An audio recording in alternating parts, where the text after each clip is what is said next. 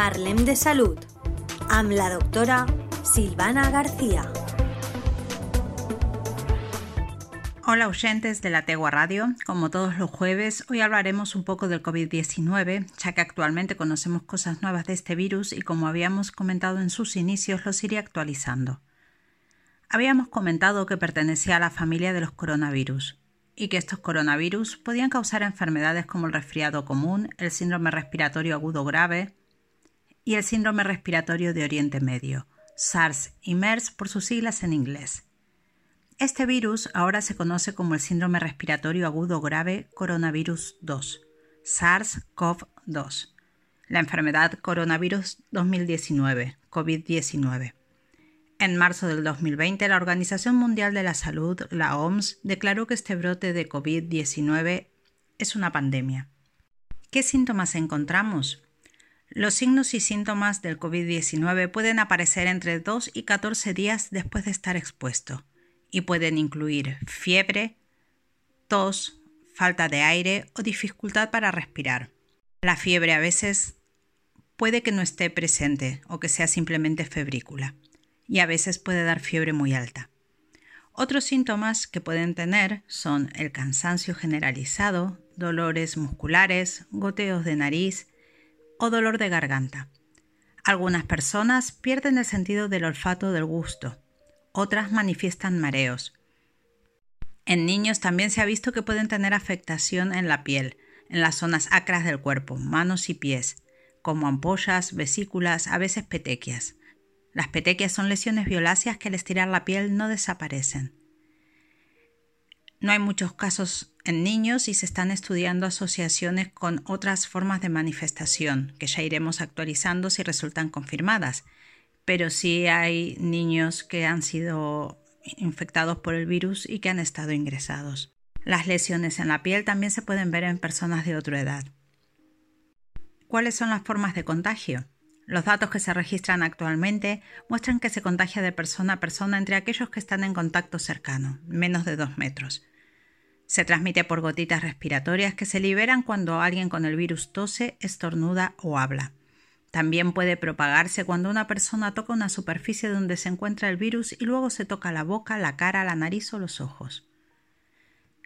¿Qué factores de riesgo tenemos? Bueno, viaje o residencia reciente en un área donde hay una propagación persistente en, la comunidad del COVID-19, según lo que está determinado por la OMS, o un contacto cercano con alguien que tiene el COVID, por ejemplo, cuando un familiar o un trabajador del área de la salud cuidan a una persona infectada. ¿Qué complicaciones podemos encontrar? Aunque la mayoría tienen síntomas entre leves y moderados, puede haber complicaciones médicas graves y en algunas personas la muerte. Los adultos mayores o las personas con afecciones crónicas están a mayor riesgo de enfermarse gravemente con COVID-19. Algunas de estas complicaciones pueden ser neumonía en los dos pulmones, insuficiencia en varios órganos y muerte. ¿Cuándo tiene que consultar al médico? Si tiene síntomas de COVID o ha estado en contacto con alguien a quien le han diagnosticado el COVID. En ese caso hay que contactar de inmediato telefónicamente con su médico para ver la clínica que tiene y los consejos que puede darle. Si tiene signos y síntomas de emergencia de COVID-19 como problemas para respirar, dolor o presión en el pecho, confusión, entonces en ese caso tiene que buscar asistencia médica inmediata. Si tiene síntomas en las vías respiratorias pero no está ni ha estado en un área de propagación continuada del virus en la comunidad, simplemente es contactar con el médico para ver lo que le aconsejan. Dígale a su médico si tiene otras enfermedades crónicas, como enfermedades cardíacas o respiratorias. En este momento hay que priorizar la atención médica para los que más la necesiten. ¿Cómo lo prevenimos? Aunque no haya vacunas para prevenir la infección por este nuevo coronavirus, se pueden tomar medidas para reducir el riesgo de infección. Evitar eventos con mucha gente y reuniones multitudinarias. Evitar el contacto cercano, menos de dos metros, con cualquier persona que esté enferma o presente síntomas. Lávese las manos con frecuencia con agua y jabón por lo menos 20 segundos. O usar desinfectante para manos con base de alcohol que contenga al menos 60% de alcohol. Lo más importante es el lavado de manos. Cubrir la boca y la nariz con el codo o un pañuelo desechable al toser o estornudar y desechar el pañuelo una vez usado. Evitar tocarse los ojos, la nariz y la boca. Evitar compartir platos, vasos, ropa de cama y otros objetos de la casa si está enfermo. Y limpiar y desinfectar diariamente las superficies que se tocan con frecuencia.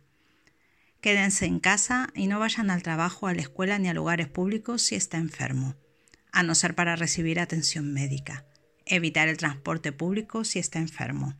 Se recomienda ponerse mascarillas de tela en lugares públicos como el supermercado, donde es difícil evitar el contacto cercano con otros, ya que los datos muestran que las personas con COVID pueden transmitir el virus antes de darse cuenta que lo tienen.